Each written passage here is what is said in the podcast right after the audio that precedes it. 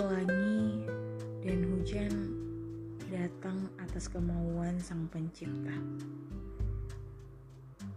Seperti hidup, kadang kita merasa dibutuhkan oleh seseorang, kadang juga kita dilepaskan tanpa kita mau.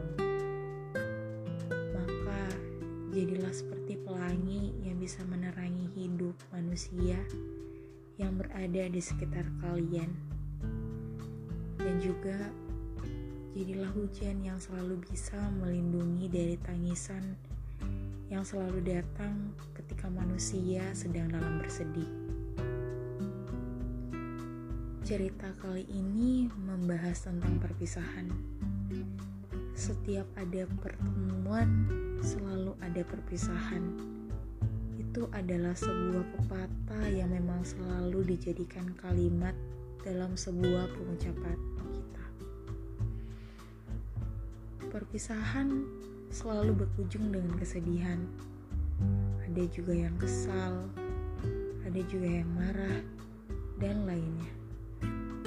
Kita juga tidak tahu perpisahan itu kapan berakhir, entah disengaja ataupun tidak disengaja. Semua hanya takdir yang menentukan kapan kita akan berpisah.